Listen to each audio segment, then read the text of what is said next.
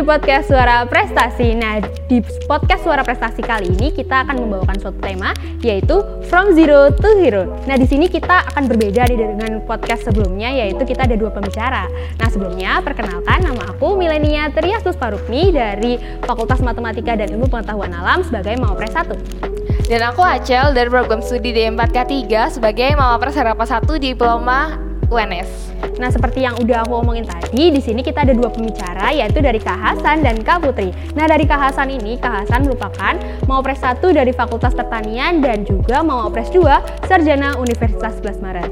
Kak Hasan ini memiliki berbagai prestasi, di antaranya yaitu pernah menjuarai di tiga kejuaraan internasional dan enam kejuaraan nasional dan juga dia juga pernah nerbitin uh, buku juga loh. Nah, Bintang tamu kita yang kedua ini gak kalah keren yaitu ada Kak Putri yang merupakan Mawapres 2 Diploma UNS 2021. Nah Kak Putri ini berasal dari Prodi D3 Farmasi dan prestasinya juga banyak banget yaitu mengikuti 15 kejuaraan nasional, satu penghargaan BMPB dari UNS, berbagai macam asisten praktikum dan juga berbagai kegiatan internship atau magang. Nah, karena kita tadi udah kenalan, kita juga udah tahu nih tema hari ini itu apa. Nah, mungkin kita sekarang bisa nanya nih langsung ke narasumbernya. Nah, untuk Kak Putri dan, juga Kak Hasan, sekarang kesibukannya lagi ngapain sih, Kak? Mungkin bisa Kak Putri dulu. Oke, uh, kesibukanku saat ini tuh cuma itu sih penelitian tugas akhir itu aja. Kalau Kak Hasan sendiri gimana? Hmm, kalau saat ini ya sama ya tugas saya, tapi kan kalau aku satu namanya skripsi ya. Yeah. Ini sedang analisis data gitu di lapang. Eh dari lapang datanya udah kumpul dianalisis dan tapi masih ya masih nyambi sama yang lain ya. Uh, aku ada intern internship di Solo Teknopark di start partnership gitu. Jadi uh, di situ uh, kayak ngejaring partner-partner strategis yang bisa dikembangkan untuk pelatihan SDM yang ada di Solo Teknopark. Kemudian selain itu aku sama ya nyambi kerjaan gitu di community relation di perusahaan komunikasi yang ada di Indonesia gitu. Nah, tapi itu part time semua ya. Jadi ya memang masih bisa lah untuk uh, kita sambil ngerjain skripsi gitu. Mungkin itu sih kalau aku sekarang. Oke, berarti kesibukannya sama-sama di mahasiswa tingkat akhir nih. Iya, betul. Uh, kita kan tahu ya kalau misalnya kegiatan-kegiatan yang dilakukan uh, seorang wapres itu tuh pasti nggak cuma cuman prestasi, nggak cuma internship, nggak cuma pengabdian masyarakat, pasti banyak kegiatan yang bisa mendukung kalian, terutama di capaian umum di uh, saat wapres. Nah, sebenarnya apa sih motivasi kalian ngikutin berbagai kegiatan itu tuh uh, motivasinya tuh apa gitu yang melatar belakang kalian? Mungkin dari Kak sendiri. Hmm, kalau motivasinya kalau dari aku simpel sih. Mungkin awalnya tuh kan dulu nggak mau ya masuk UNS ya. Bahkan nggak kebayang nih mau masuk jurusan ini. Apa dulu nggak kenal ya. Karena aku pengennya teknik biasalah cowok dari IPA kan pengennya teknik apalagi teman-temanku juga ya sama kepinginannya cuma tekniknya beda-beda dan mereka keterima di kampus yang unggulan. Nah aku terpinggir lah di sini gitu. Kan tapi aku mau membuktikan bahwasanya aku di sini tuh bisa tuh loh. Nah akhirnya aku coba deh ikut lomba. Eh ternyata pertama kali lomba langsung dapat juara dua kan. Nah setelah itu aku jadi langsung tambah termotivasi lah untuk ikut lomba-lomba lain. Dan alhamdulillah ya sampai Pelma Press kemarin uh, itu ada sekitar 6 apa 7 ya yang tak bawa kecapaian kan dipilihnya 4 tertinggi ya. Nah itu 4 terus dan alhamdulillah juga ikut beberapa program untuk pengabdian masyarakat kayak juga ikut PKM gitu kan. Uh, dapat lagi di capaian seperti itu. Sehingga bisa uh, menyeratakan lah gitu capaiannya. Baik di perlombaan kemudian ada di karya buku karya hak cipta kemudian juga di kegiatan-kegiatan sosial seperti itu. Jadi ya itu sih awal mulanya dan secara nggak sadar aja aku bisa ikut itu semua dan ternyata setelah dikumpulkan saat film Apres itu oh lumayan juga ya capaiannya gitu. Jadi let it flow gitu ya. Iya, jalanin aja. Putri gimana? Kalau aku dulunya sih uh, awalnya aku pengen nge-lab lebih lama gitu daripada teman-teman yang lain karena kan di D3 itu kan kebanyakan itu nge-lab gitu ya kayak jadi uh, dengan cara aku ikut lomba nah itu aku bakalan bisa dapat waktu untuk nge-lab lebih lama seperti itu. Selain itu motivasi utama lomba itu adalah jalan-jalan gratis. Tentunya kan. nah, selain itu juga bisa dapat temen kayak gitu. Jadi uh, aku lebih bersemangat untuk ikut lomba-lomba gitu. Awalnya aku nggak kepikiran bakal uh, ikutan Pilmapres karena aku mikirnya oh kayaknya nggak bisa sih sampai di tahap itu karena aku nggak terlalu apa ya nargetin untuk ikutan Pilmapres gitu. Tapi karena kemarin uh, alhamdulillah cukup untuk daftar Pilmapres ya udah aku daftar Pilmapres gitu. Dan dapat. Alhamdulillah. Alhamdulillah uh, ini kan berarti kakak-kakak ini udah terpilih nih menjadi mawapres. Nah sebenarnya uh, dari kakak-kakak sendiri itu untuk mempersiapkan untuk ikut ke pilmapresnya itu apa aja sih kak? Mulai dari soft skillnya, hard skillnya, atau untuk menuhin capaian unggulannya tuh strateginya gimana? Oh uh, ya kayak gitu. Uh, untuk pilmapres sendiri itu sebenarnya nggak uh, usah ditargetin terlalu ngoyo ya. Jadi kayak ya udah let it flow aja kayak Mas Hasan tadi uh, awalnya aku ikutan lomba-lomba sembari organisasi. Jadi pas uh, langsung Pilmapres itu langsung bisa terkumpul gitu antara prestasi sama pengalaman organisasinya. Dua itu sih yang uh, aku ikutkan untuk Pilmapres kemarin. Sama cetak buku tapi cuma satu. Gitu kalau dari Kak sendiri? Hmm, kalau dari aku ya sama sih. Uh, santai aja jalanin ya kan? Ya, betul. nanti ya akhirnya dapat sendiri. Kalau aku motivasinya ini sih buat nambah uang jajan ya. Karena karena kalau misal kita ikut lomba kan lumayan ya dapat hadiah. Ya, apalagi WNS bisa ngajukan reward ya lumayan. Buat jajan sebulan gratis gak minta orang tua kan gitu kan. Ya. terus selain itu kan lombanya kemarin online terus ya jadi nggak bisa jalan-jalan. Sebenarnya aku dulu yang awal semester itu bisa jalan-jalan tuh sampai ke Ambon gitu kan. Wah senang banget lah. Di sana pantainya itu bagus banget nggak ada yang bandingin lah kalau pantai-pantai di sini. Tapi itu kayaknya pertama kali dan udah nggak bisa keluar-keluar lagi. Dan lomba terakhir yang offline itu aku di UNS juga aja sih. Nggak bisa ke mana-mana. Dan uh, cita-cita untuk ikut lomba keluar negeri juga belum tercapai gitu kan. Dan ya itulah uh, suka dukanya. Tapi nggak apa-apa dengan online kan kita bisa lebih enak ya lombanya. Kita nggak perlu ngeluarin tenaga. Lomba cuma presentasi kan. Terus kuliah juga masih bisa. Gitu kan. kuliah pakai HP lombanya laptop. Di sambil bisa gitu. Cuma ya yang penting pengalamannya aja sih kalau dari aku. Uh, da aku dapat lah dari itu. Dan dijalani. Dan ternyata ketika cukup uh, kita yakin ya, ya yang penting yakin aja daftar. Nah, ntar ya kayak Mbak Putri tadi kan bisa sampai univ gitu kan. Kemarin aku ya nggak nyangka aja bisa sampai univ finalis juga kan. Sama kita sama-sama runner up ya berarti ya. Gitu. Ya, betul. nah ya, ya intinya seperti itu. Jalani aja nggak perlu ragu nggak perlu takut. Ya pede aja. Mesti bisa Berarti uh, kalau dari Kasan sama Kak Putri ini kita jalanin dulu aja siapa tahu kita dapat peluangnya terus kita ikut pemilihan eh ternyata masuk nih tiga besar jadi runner up dua-duanya. Gitu. Ketagihan jadi seperti kebiasaan yang harus dilakukan. Uh, kira-kira ada nggak sih perbedaan antara uh, si Hasan dan si Putri sebelum dan sesudah mau pres gitu kira-kira udah dapat title mau pres tuh ada nggak sih bedanya gitu? Mungkin dari stigma orang lain kah? Atau dari kalian sendiri gitu? Mungkin kalau dari aku ya kalau aku biasa aja sih. Dulu sama sekarang ya aku mencoba biasa aja gitu cuma mungkin orang anggapnya beda padahal ya biasa aja gitu kan. Uh, kan semuanya itu sebenarnya bisa menjadi masa prestasi. Cuma kan ya cuma ada hal yang lebih resminya lah ya kalau di kampus sampai di tingkat nasional ada kayak penghargaannya. Cuma semuanya sama aja sih kalau menurutku. Cuma kadang uh, ya memang teman-teman nganggapnya agak beda gitu lah. Cuma dari aku ya nganggapnya biasa aja dan coba tetap humble lah nggak usah sebagai apa ya kita udah menang nih Pres kita langsung wah merasa wah wah wah gitu gak? Enggak gitu. Kalau aku ya biasa aja gitu kan. Menongkrong ya nongkrong ya sama aja. Misal nongkrong sampai jam satu malam sampai subuh gitu kan ya biasa aja gitu kan. Bahkan saat sebelum film mapres aku juga nongkrong gitu ya biasa gitu kan. Uh, hari-hariku ya seperti itulah. Uh, nggak bisa ngubah sih kalau aku uh, dari kebiasaanku cuma mungkin uh, kan jadi orang-orang yang penting lah di kampus kayak dosen kemudian para penting kampus kan tahu kan ya kita harus mencoba lebih apa ya ya istilahnya itu menjaga supaya tetap baik gitu kan nggak nggak bersikap yang aneh-aneh gitu kan. Nah kalau aku cenderung ke arahnya ke situ sih cuma kalau kebiasaanku biasa aja. Cuma lebih menjaga supaya kita itu apa ya nggak ngecewakan orang yang telah milih intinya gitu sih.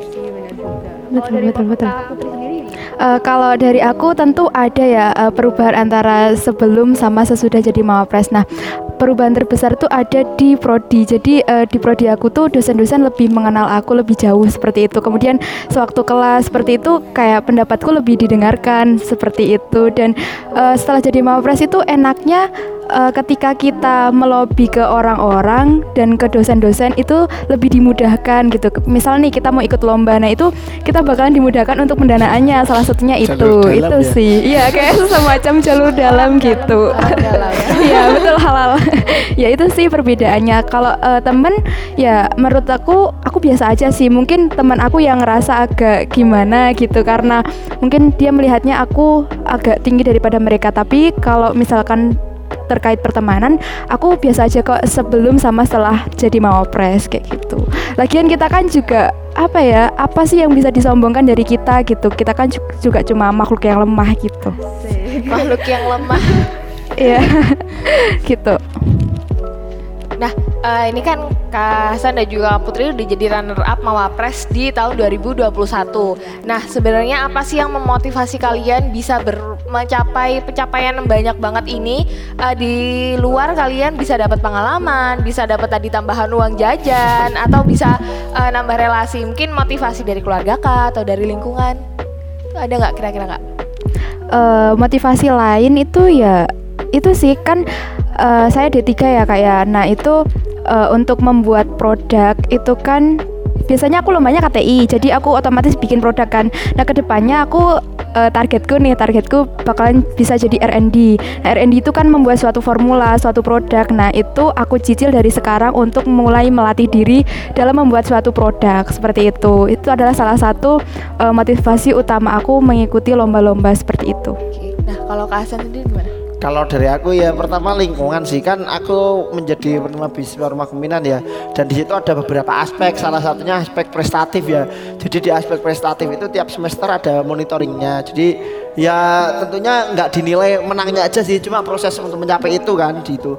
Nah di situ maka dari itu aku termotivasi untuk ikut lomba dan bareng teman-teman juga gitu kan. Supaya aspek itu bisa terpenuhi. Dan ternyata alhamdulillahnya ya bisa gitu kan. Nah setelah itu setelah dari lingkungan aku membuktiin aja sih sama orang kan aku jarang pulang ya.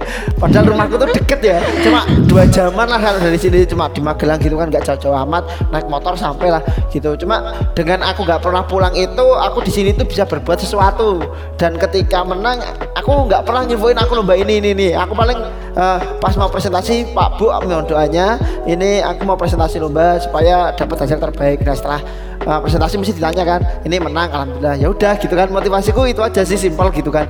Nggak eh, motivasi apa-apa gitu kan. Misal lomba atau apa-apa nggak pernah bilang kayak gitu. Bilangnya kalau mau presentasi aja sih kalau aku gitu sih. Kemudian motivasi selanjutnya kan aku dari prodi yang eh, mana kalau itu tuh jarang sih orang yang kenal ya apalagi dulu aku maba. Prodinya apa? Aku malu loh mau ngomong gitu.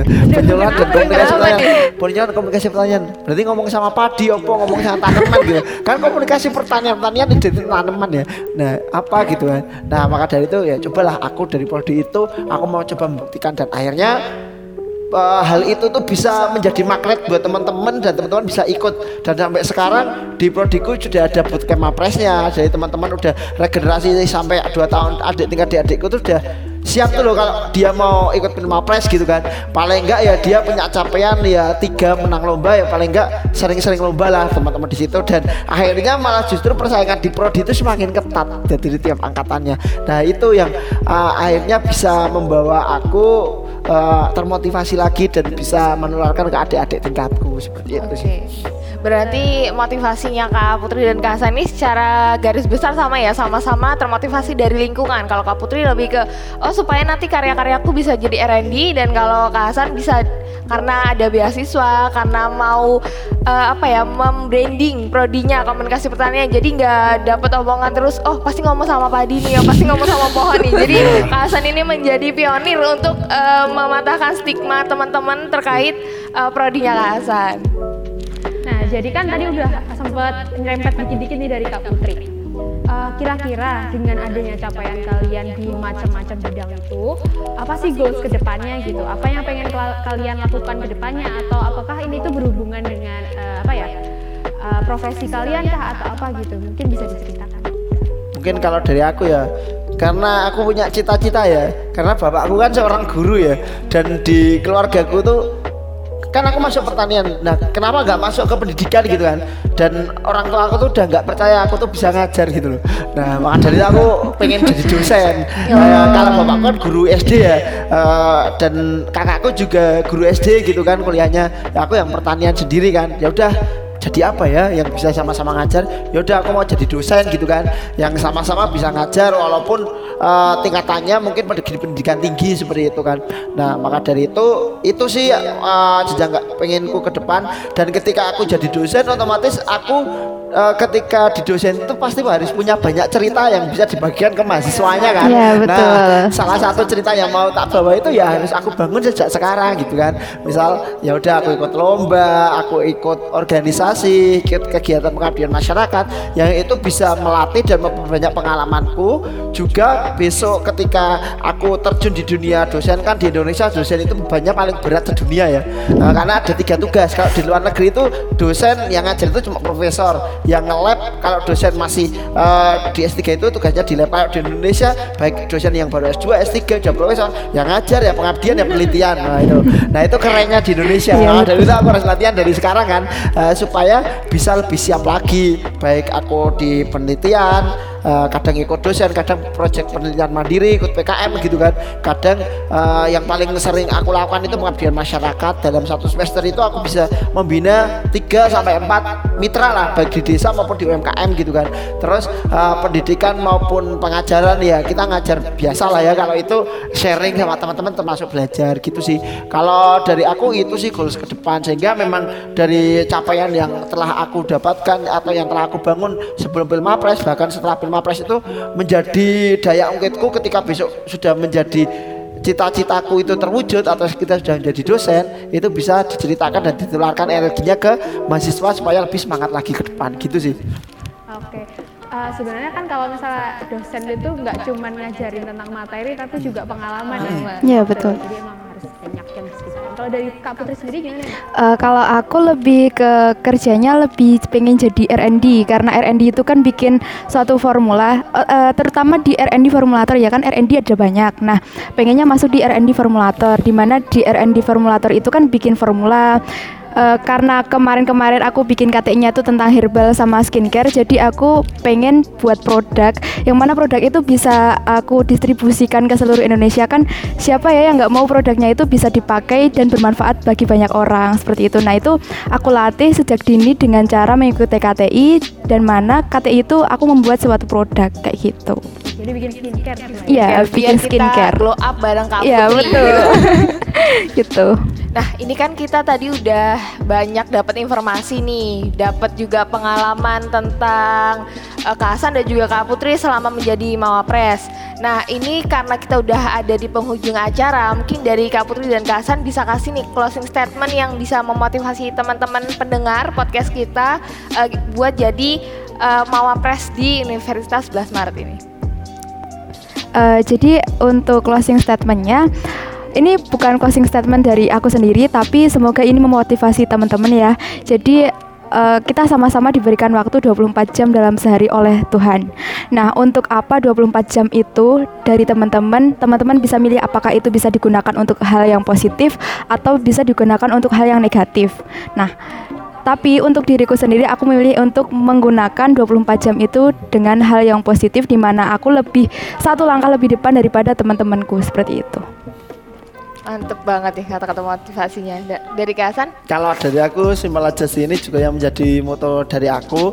Kalau dari aku yang penting eh, kita semua atau anda itu tidak perlu merasa ingin terus lebih baik dari orang lain. Tapi yang paling penting itu menjadi lebih dari apa yang kita bayangkan gitu kan. Aku juga nggak ngerasa nih kalau bisa sampai sejauh ini karena ya udah aku ngelakuin apa yang aku inginkan, apa yang menjadi passionku sehingga aku bisa menjadi lebih dari apa yang aku bayangkan dari waktu ke waktu sehingga proses itu akan terus berjalan dan kita ketika melakukan sesuatu hal itu kan salah tidak sadar ternyata kita sudah sampai di titik ini dan sekarang juga aku sudah sampai di titik ini ternyata aku sudah mahasiswa tingkat akhir dan mau lulus gitu kan Iya, betul. Iya kan? gitu nah mungkin sama mohon doanya ya supaya dipercepat lah prosesnya gitu Iya, dan amin. Agustus bisa wisuda Amin. Nah, Sudah bareng nanti kita. Doanya untuk orang-orang yang ada Iya. di sini yang Iya. di balik layar yang lagi jadi mahasiswa tingkat akhir ya. Semoga Betul. lulusnya tepat waktu. Amin, amin. Sampai jumpa di podcast Suara Prestasi selanjutnya. Jangan lupa like, komen, dan subscribe di channel YouTube Imapres UNS. Dan jangan lupa ikuti terus informasi terbaru Imapres UNS di Imapres underscore UNS dan juga follow Spotify kita di Imapres UNS. Jangan lupa dengerin ya. Bye-bye! Bye bye.